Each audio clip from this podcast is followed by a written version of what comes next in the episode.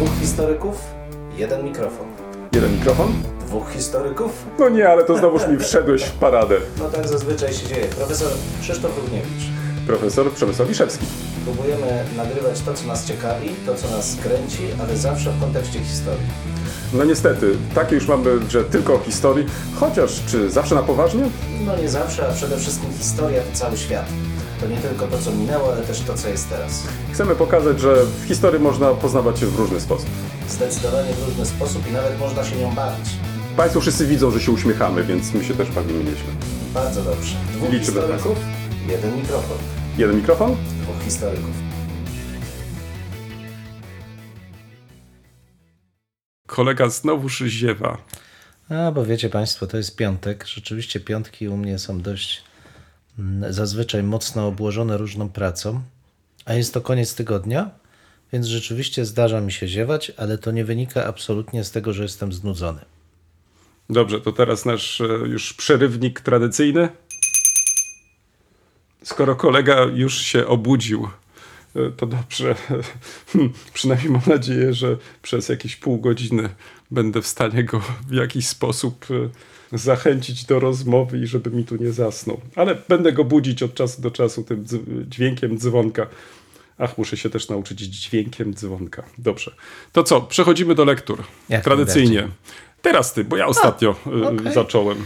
To przede wszystkim zacznę od tego, że kolega spełnił swoją obietnicę, czy też groźbę i przyniósł mi trzy tomy. Czyli z jego pamięcią nie jest jeszcze tak Nie źle. jest najgorzej, tak. Trzy tomy der alte Kammweg auf den berühmten historischen Fernwanderk auf dem Erzgebirgskamm von der Elster bis zur Elbe. O, i kolega zaraz przetłumaczy to. Tak, że to jest bardzo piękny przewodnik o wędrówkach górskich z, po Erzgebirgskamm. O, to jest ciekawe. Jakie to są góry w takim E, razie? no to będą rudawy. Po Rudawach. A, Okej, Erz, rzeczywiście. Po Rudawach od Elstery do Łaby.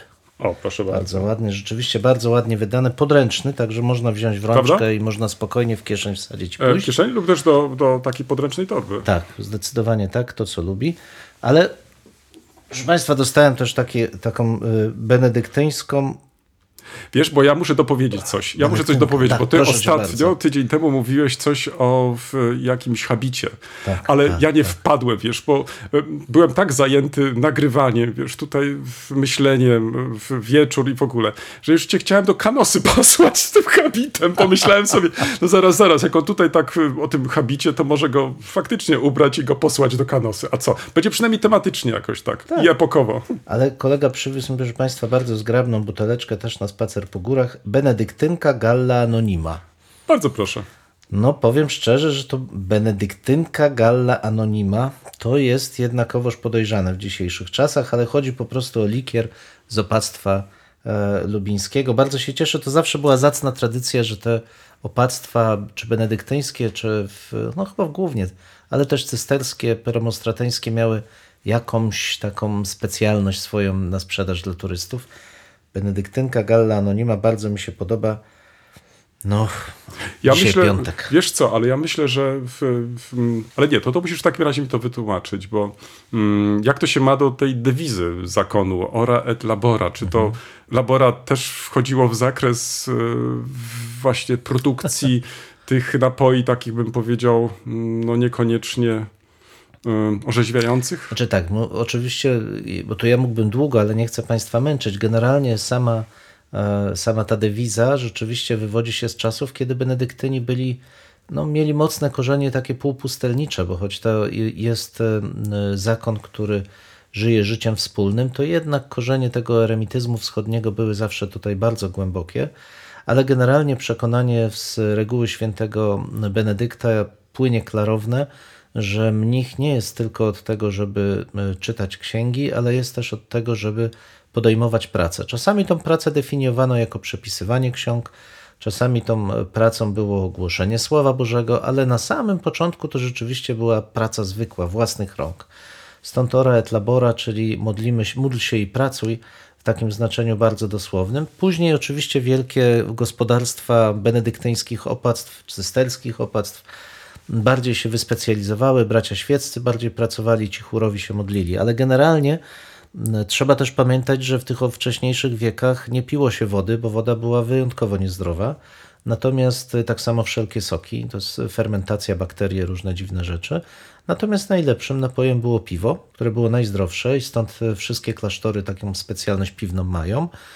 Te bardziej wyskokowe napoje to raczej XIX-XX wiek, bo to też musimy pamiętać, że ten wysoko, wysokoprocentowy alkohol to jest okres nowożytny raczej on się tak dość powoli rozpowszechnia.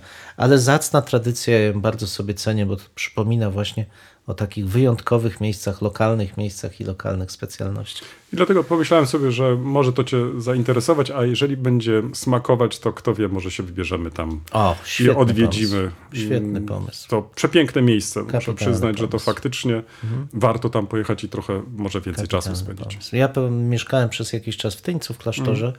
Bardzo miło to Lubi też jest wspominam. bardzo tak. piękny taki, przepiękne miło. miejsce. Oprócz tego przemili zakonnicy od przeora po brata, więc e, myślę, że warto. Mhm. Mieć na uwadze też takie miejsca, jak się jest po prostu przejazdem. Zdecydowanie tak. Ale o książkach teraz ja oczywiście mam zawsze gazetę ze sobą, żeby nie było, bo tutaj tym razem że, że Państwo Rzeczpospolita plus minus. To znaczy, my mamy tu jakieś połączenia, mamy prasówkę plus prasówkę, książki. tak, tak. książkówkę. Ale dzisiaj Sebastiana Ligackiego artykuł o Dniu Dziecka i Krasnoludka, czyli o funkcjonowaniu pomarańczowej alternatywy. O proszę.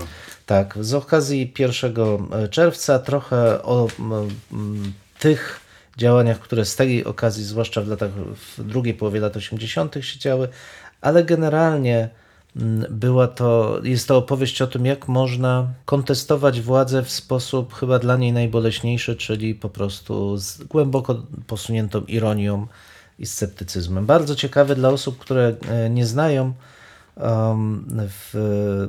samego ruchu, który przecież zakorzeniony był we Wrocławiu, stąd się, stąd się wywodził. Naprawdę serdecznie e, zachęcam do I lektury. tym też można tłumaczyć ten wysyp krasnali. Wysyp Krasnali, oczywiście, że tak, to jest ściśle z tym związane. No i zacytuję kilka, kilka haseł, które były e, w, skandowane w trakcie takiej przykładowej demonstracji z okazji właśnie tam, Dnia Dziecka czy innych działań. Na przykład uwolnić sierotkę Marysię. Nie bójcie się Gargamela w ciemnych okularach. To oczywiście chodziło o generała Jaruzelskiego. Niestety musimy to tłumaczyć teraz chyba, tak? A, albo gąski, gąski do domu, boimy się czego rzecznika prasowego. Nie wiem, czy nie, nie powinniśmy też No tak, no Urbana oczywiście. podać tak nazwiska tak, tak, ówczesnego, słynnego tak, tak, tak, rzecznika ówczesnego prasowego. rzecznika prasowego Jerzego Urbana. No, niektóre tematy, jak widać, niektóre hasła się nie, nie, z, e, nie przedawniły. Zdezaktualizowały, Tak, nie tak. zdezaktualizowały. Bardzo ciekawa rzecz, oczywiście na zdjęciu mamy piękne zdjęcie też e, kapitana policji pouczających krasnoludki, jak mają e, manifestować. Felix z dzieciom w czapeczce, naprawdę bardzo dobre zdjęcie. No i autor jakby nam znany skądinąd. To prawda. Tak, ale mam też, tu kolegę postanowiłem zagiąć dzisiaj. Po raz Państwa- kolejny tutaj czyha na moje życie. Tak, proszę Państwa. To jest e, faktycznie... Treasure tak, Houses, Tak, tak. czyli rzecz o muzeach e, polskich uniwersytetów. Proszę. Tak. Bardzo zacnie wydana książka. Dzisiaj zresztą w trakcie live'u opowiadał o tym dyrektor naszego e, muzeum. Nieco tekstu, ale nie za dużo. Natomiast no rzeczywiście jestem pod wrażeniem, bo oczywiście Kraków, Poznań, Warszawa, Wrocław to jakby zdajemy sobie sprawę, że są, że są em, różne, e, różne muzea uniwersyteckie, ale zbiory czasami są, powiedziałbym, e, zadziwiające. Muzeum na przykład w Akademii Sztuk Pięknych w Krakowie. No, no, przepiękne rzeczy. Ale e, w Katowicach e, Muzeum Akademii Muzycznej Karola Szymanowskiego, e, będące tak naprawdę Muzeum Organ na Śląsku.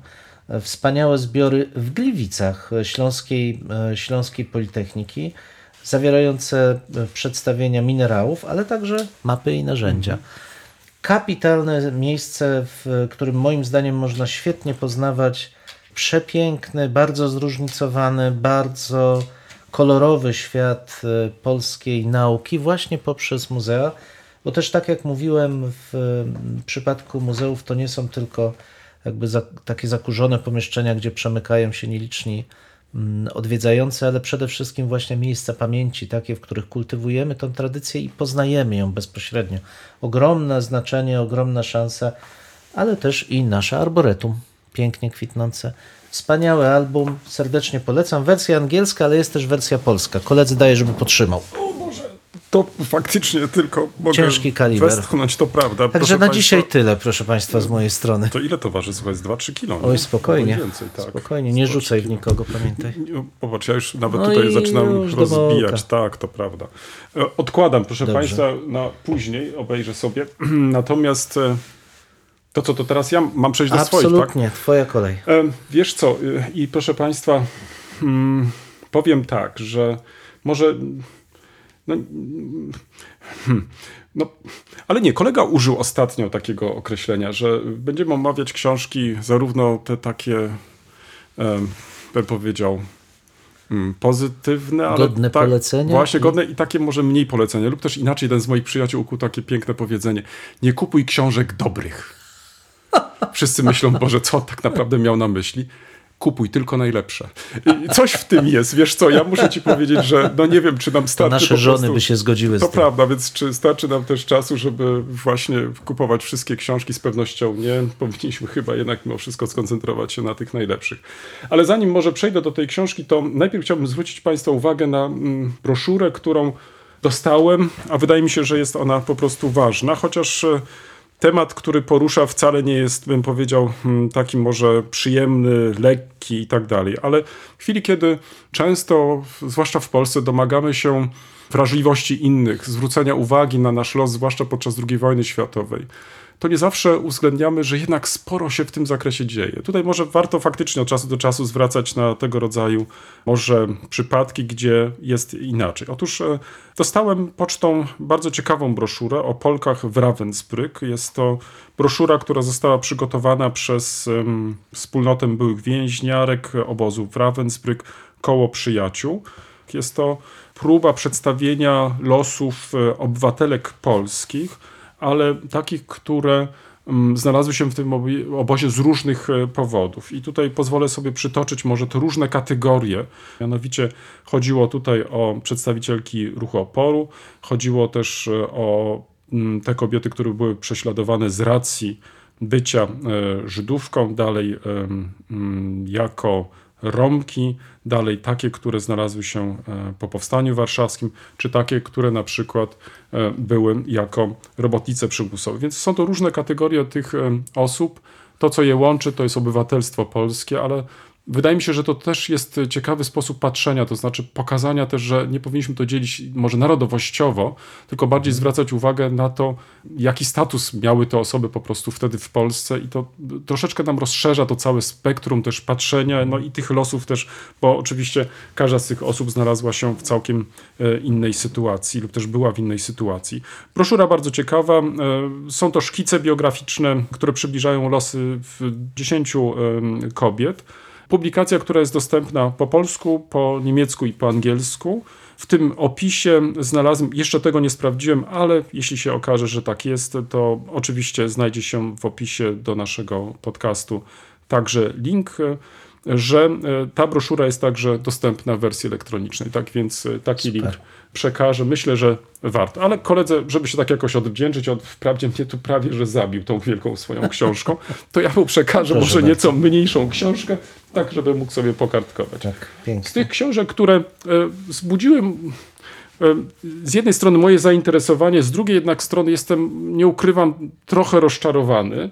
Na razie nie chcę tego w żaden sposób jeszcze dodatkowo wzmacniać, czy bardzo jestem rozczarowany, czy mniej. Mianowicie otrzymałem do przejrzenia biografię Złotowa. No, każdy z nas, kto e, zajmował się wcześniej biografiami, wie, że dzisiaj em, pisać biografię raz, że nie jest rzeczą łatwą. Ale świadomie mówisz biografia czy monografia? Wiesz co, ale biografię miasta. Biografię biografię miasta. miasta. Wiesz, tak to znaczy e, biografię miasta, ponieważ e, myślę, że tak, oczywiście możemy mówić monografii, ale Mhm. biografię miasta w tym sensie, jeżeli jakieś miasto obchodzi jubileusz, to mnie się wydaje, że to, co chcemy zrobić, to przede wszystkim opracować jakąś taką sensowną biografię historyczną tego Mhm. e, miasta. Oczywiście możemy to nazwać monografią, ale biografia mi się bardziej Fajnie. podoba. I dlatego też e, dzisiaj już mamy pewne oczekiwania. To znaczy, chcielibyśmy coś dowiedzieć się więcej, e, jak żyli ci ludzie, jak wyglądał ten dzień codzienny. z jakimi problemami to miasto miało do czynienia.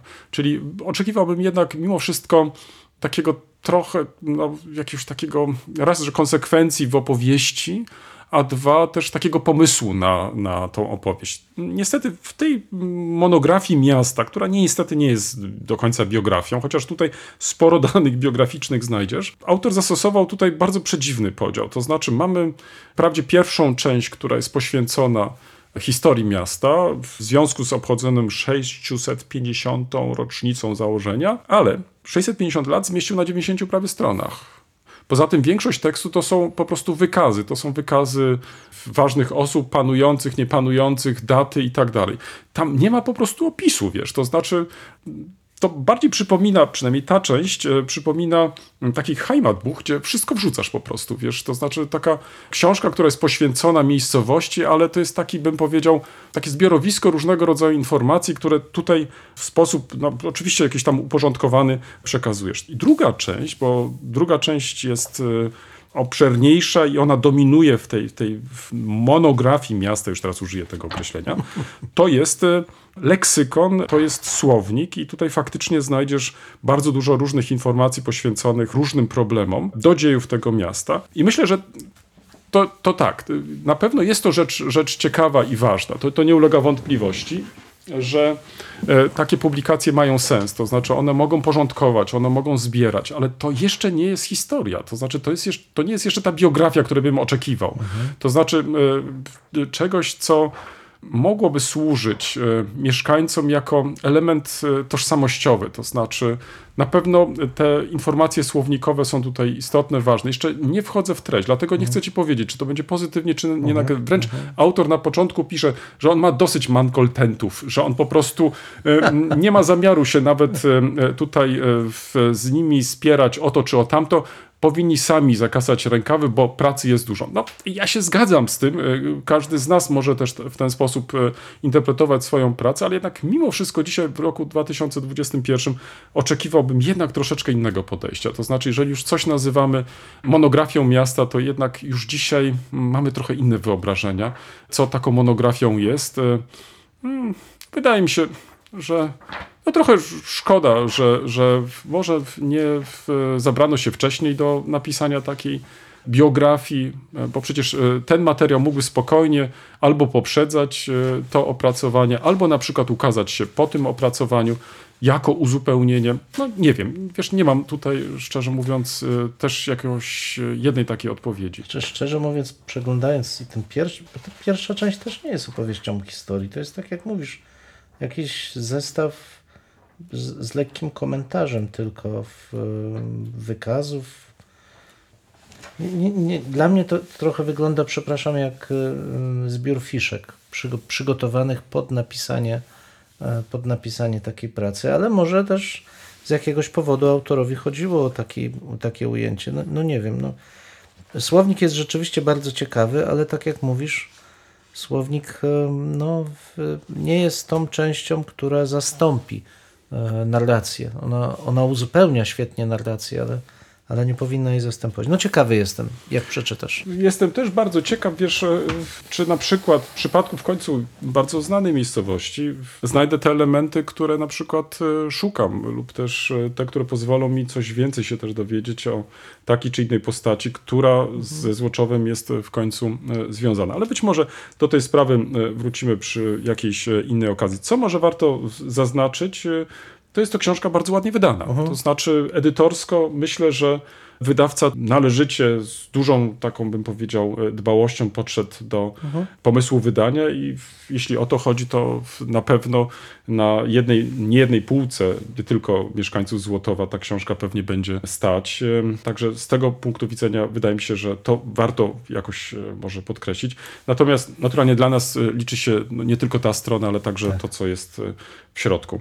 Proszę Państwa, i ostatnia może rzecz taka, która trochę myślę, że mm, mm, będzie sygnalizować to, czym się teraz zajmuję i to, co mnie interesuje, mianowicie coraz e, częściej w ostatnich e, tygodniach zająłem się sprawą digitalizacji historii i tutaj zacząłem szperać, szukać mm, różnych publikacji, które by tego dotyczyły i tutaj trafiłem na jedną z nich, historia cyfrowa, zmierzenie światów historycznych na nowo, czyli coś, co się przeciwstawia tej takiej tradycyjnej historii, analizie e, źródeł, tej klasycznej, właśnie historię digitalną, czy też e, analizowanie e, cyfrowe, pokazując, że dzisiaj też w roku 2021 trudno jest uprawiać historię, tą taką klasyczną, nie uwzględniając w swoim warsztacie też tej e, historii cyfrowej. I teraz tutaj na co zwraca autor uwagę, to na tą wielość podejścia, to znaczy to nie jest tylko kwestia na przykład e, samego zeskanowania takiego czy innego dokumentu i później go wykorzystywania w swojej pracy, bo to jest jakiś taki pierwszy tylko etap, tylko e, spowodowanie, że ten dokument, który ma mieć charakter otwarty, że on może stać się także punktem wyjścia do naszych e, dalszych pogłębionych badań. Właśnie korzystając z faktu, że możemy właśnie czy e, za pomocą metody takiej czy innej starać się analizować e, już konkretnie tekst, e, z którym jesteśmy po prostu e, konfrontowani. Czy to będzie taka czy inna metoda, to jest mniejsza z tym, natomiast wydaje mi się, że poprzez ten tytuł, e, czyli w, tworzenie tych nowych światów, to nie chodzi tutaj o to, że na nowo będziemy tworzyć historię, tylko że będziemy na tą być może znaną historię spoglądać jeszcze z innego punktu widzenia, wykorzystując chociażby te metody cyfrowe.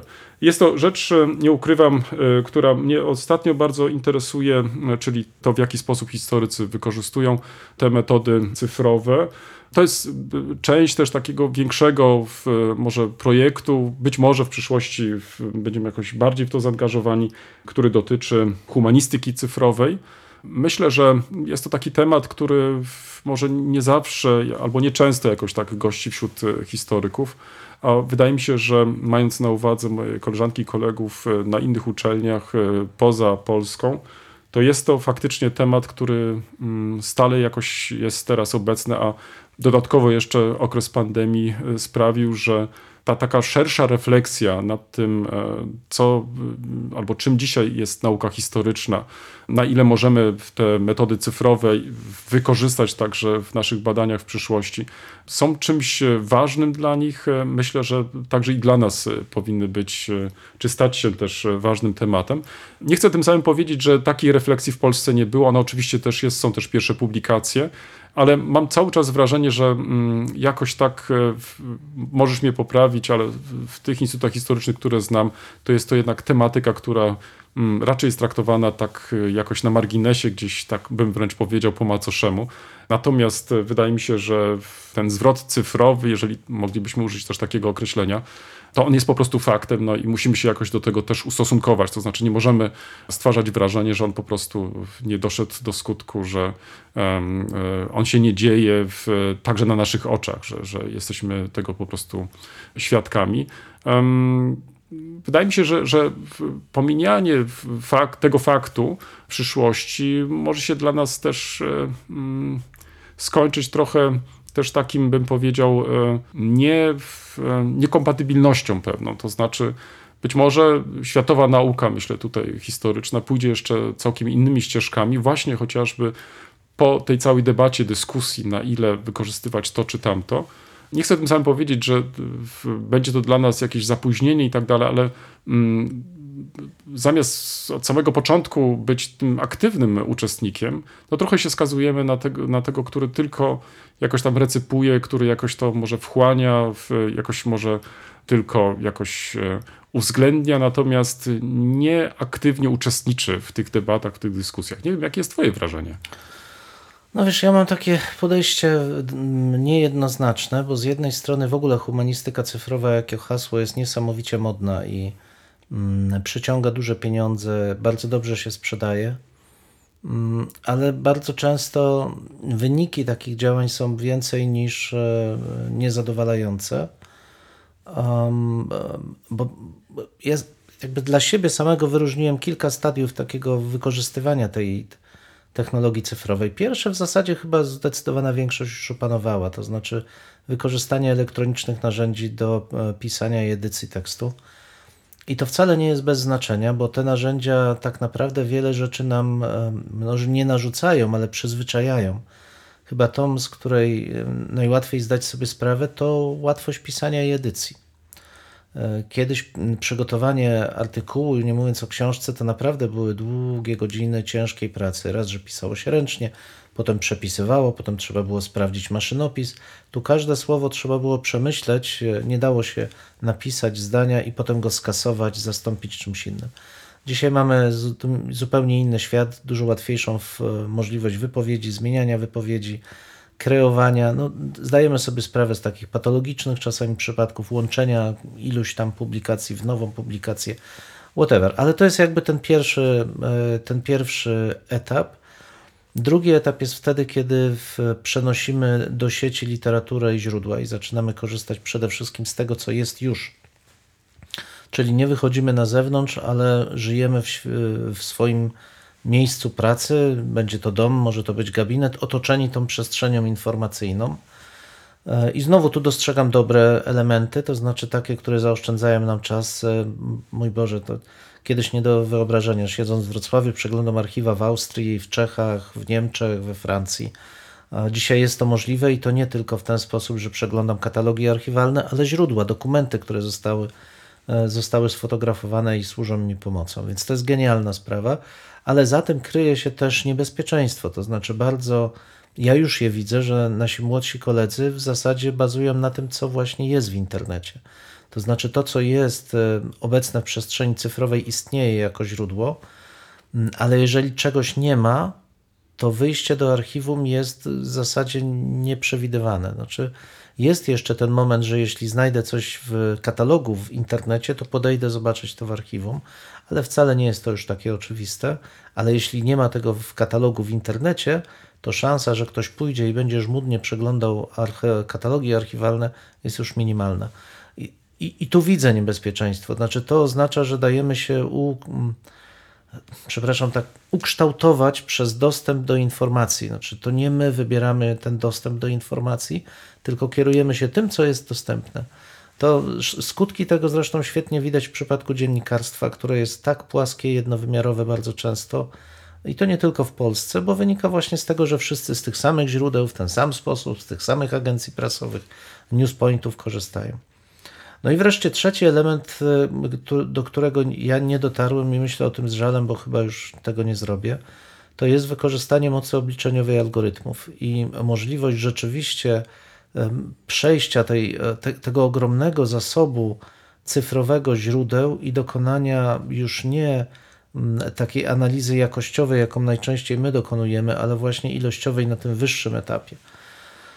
No tu oczywiście myślimy o historykach gospodarczych, przede wszystkim demografach, ale nie tylko. Wbrew pozorom sam fakt możliwości dotarcia do zmikrofilmowanych, a teraz już sfotografowanych dokumentów średniowiecznych pozwala nam badać leksykę, słowa, konteksty, pojawianie się terminów. No absolutnie ogromne przestrzenie wiedzy są na wyciągnięcie ręki, ale znowu trzeba umieć z tego korzystać i mam wrażenie, że tu generalnie dopiero historycy tego się uczą. Jedni są bardziej zaawansowani, inni mniej. Natomiast to, czego ja się obawiam, to że generalnie nasz cech jest w niewielkim stopniu świadomy tego, jak ta technologia cyfrowa zmienia nasze funkcjonowanie, nawet w sposób zupełnie nieświadomy, tak jak w przypadku pisania tekstów. To całkowita zgoda i to mm, dlatego mm, jeszcze raz wrócę może do podtytułu książki, którą wcześniej wymieniłem.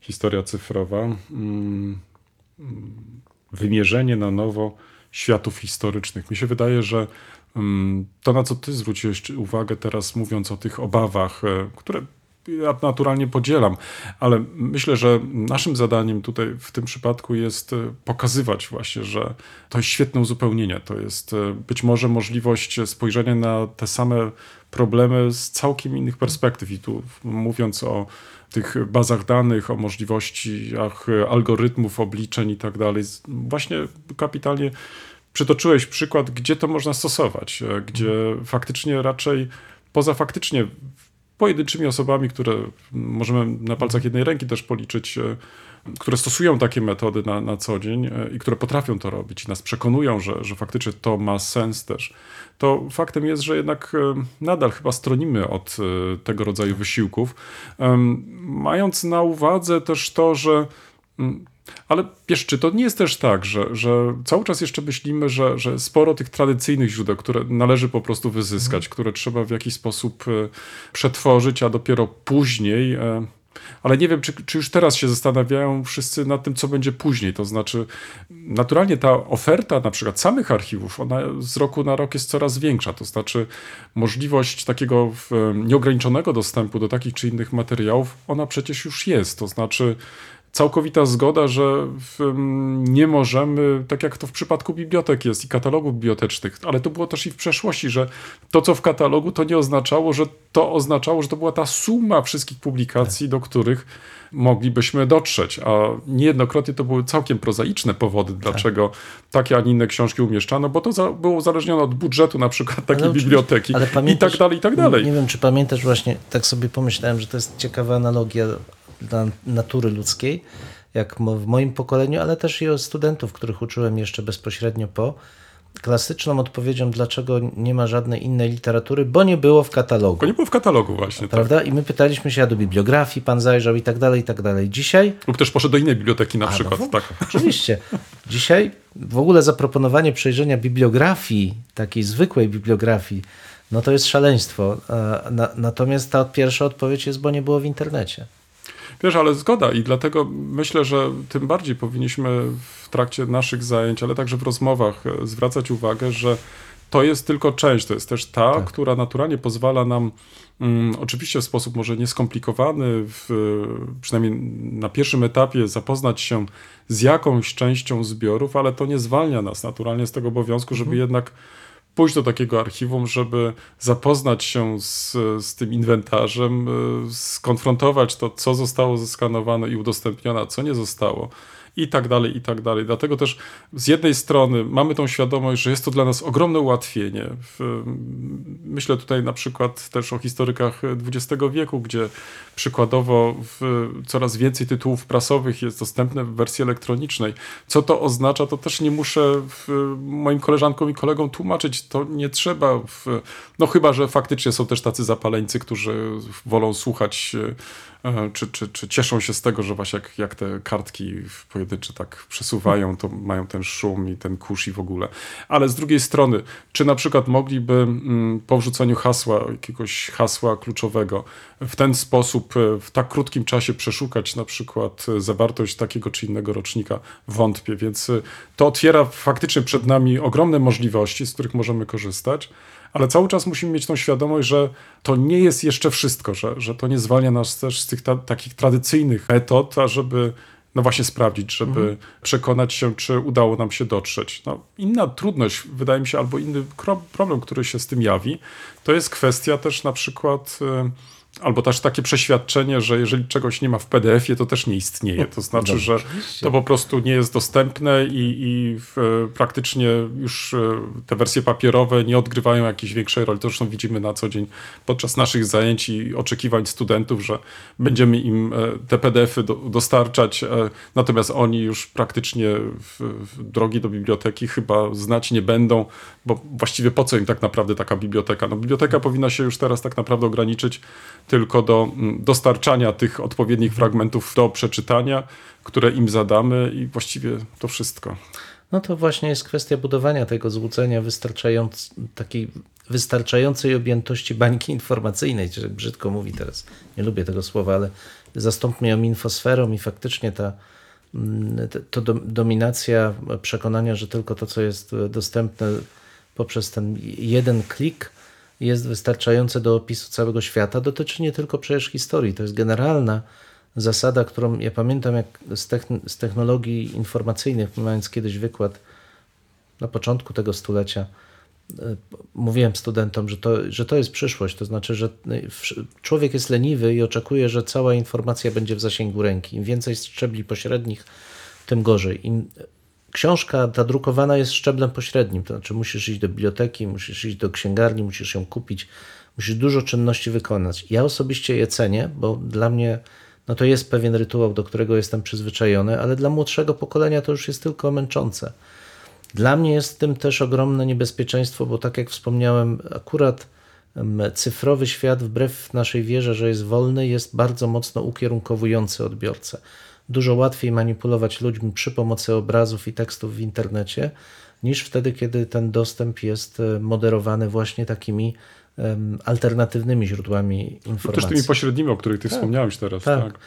No i przede wszystkim dla mnie wielkim niebezpieczeństwem jest zubożenie, zubożenie świadomości wielości źródeł historycznych. I bardzo się obawiam tego, że tak jak kiedyś tłumaczenia zdominowały w ogóle refleksje w ramach prac magisterskich, czas- często doktoratów, tłumaczenia w sensie e, odejścia od e, źródłowych tekstów w językach oryginału na rzecz wyłącznie tłumaczeń na języki nowożytne, a w końcu tylko na język polski.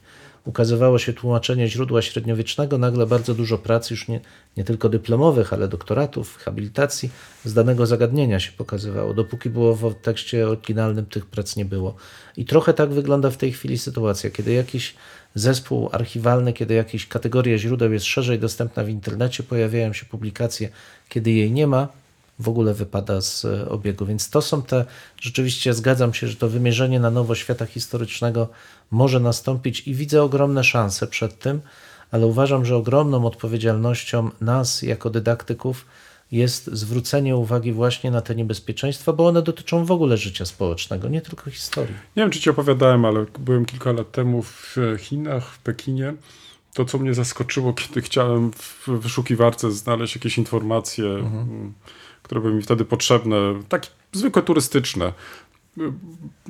W mojej naiwności, takiej Nie głupiej po Google'a, prostu. nie ma no nie Google'a. ma Google'a, słuchaj, wiesz, po prostu wstukałem, ale, ale nic, no po prostu, wiesz, no byłem, y, jak, to, żebyś wiedział, to, jakie, jakie to było zaskoczenie dla mnie. I teraz to, czy powiedziałeś przed chwilą, czyli z jednej strony mamy tą ogromną łatwość dostępu do tego rodzaju źródeł. Możemy je przetwarzać też w różny sposób, ale musimy się liczyć z tym, że ta łatwość dostępu może za chwilę w- zostać nam ograniczona, że informacje, do których mieliśmy jeszcze wczoraj dostęp, jutro już e, praktycznie nie będą dla nas dostępne, więc e, to też jest ten dodatkowy problem. Dlatego może to łączenie w tych tradycyjnych metod z tymi właśnie cyfrowymi wydaje mi się chyba najlepszym rozwiązaniem, bo wiesz dlaczego? Bo wtedy nie stajemy się bezradni, to znaczy, e, bo nie wiem, czy masz też takie czasami wrażenie, że jak czegoś nie znajdziesz, Boże, no to gdzie to szukać, prawda? To znaczy, i wtedy nie, nie masz do końca pomysłu, a tak to, jeżeli ty korzystasz z tych różnych metod, to wtedy, no mój Boże, no w, w, zgasło światło, to zapalę świeczkę, no na przykład, prawda? Więc e, sięgnę po książkę, no, albo będę wiedział, gdzie, w której bibliotece na przykład taką książkę mogę znaleźć. Więc mnie się wydaje, że em, dzisiaj chyba oczekuje się od nas e, też takiego wielopoziomowego myślenia trochę. I tego bym sobie życzył też od młodych historyków, to znaczy, że oni będą też e, w takim kierunku się kształcić, a nie zamykać tylko, ty ładnie to określiłeś, tą taką bańką informacyjną, bo to przecież jeszcze nie jest e, wszystko, e, z czym mamy do czynienia albo co mamy do dyspozycji. No zdecydowanie. To znaczy tu, tu na pewno też ta popkultura naukowa ma, no, ma Popkultura wiel- no, no tak, No, bo mm, jest ten nacisk, który e, już dzisiaj pewnie nie zdążymy, ale mieliśmy też o tym mówić, e, żeby Ale publikować... to zostawiam sobie za tydzień. Zostawiamy sobie za tydzień, żeby nie tylko już publikować dużo, bo gdzieś na szczęście to trochę już przemija, ale publikować na tematy chwytliwe. A to oznacza, że te mody naukowe nam straszliwie wyjaławiają dyskurs, bo pojawia się masę publikacji w jednym nurcie, żeby za chwilę zostać zastąpionym z nową masą publikacji w kolejnym nurcie. I w gruncie rzeczy, nawet jeśli ktoś prowadzi oryginalne badania, to jeśli nie mieści się w tym nurcie, to czasami na siłę przygotowuje takie publikacje, żeby znaleźć się w odpowiednim punkcie tego mainstreamu. Zawsze to był problem, bo ten mainstream zawsze gwarantował kariery, dostęp do środków, jakąś tam lokalną sławę, ale to miejsce na badania takie wyjątkowe, specjalistyczne, mimo wszystko zawsze były. Zawsze było ta taka nisza, ok, on robi coś poza mainstreamem, ale robi coś naprawdę ciekawego, było to cenione, z tego wyrastały kolejne działania. Tymczasem dzisiaj w zasadzie mamy do czynienia z taką globalizacją tej wiedzy, ale właśnie dla mnie w znaczeniu pop, to znaczy to jest popularne. Wszyscy mają to zrozumieć, wszyscy mają to przeczytać, wszyscy mają się tym zachwycić. Ale nauka taka nie jest. Jeżeli ma odsłonić coś nowego, to czasami musi być trudna, musi być zaskakująca, musi wyrastać z dużego ryzyka podejmowania takich, e, takich badań.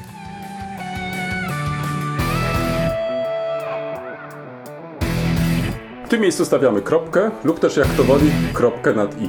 No, mamy nadzieję, że to nie jest koniec, że to jest początek Waszych dyskusji. Mam nadzieję, że Was zaciekawiliśmy. Prosimy o komentowanie naszych em, zmagań z historią. Poniżej zdjęcia jest wystarczająco dużo miejsca. I pamiętajcie, nie regulujcie odbiorników. No, my naprawdę tak brzmimy. E, tak, chociaż być może czasami e, może trzeba ściszyć.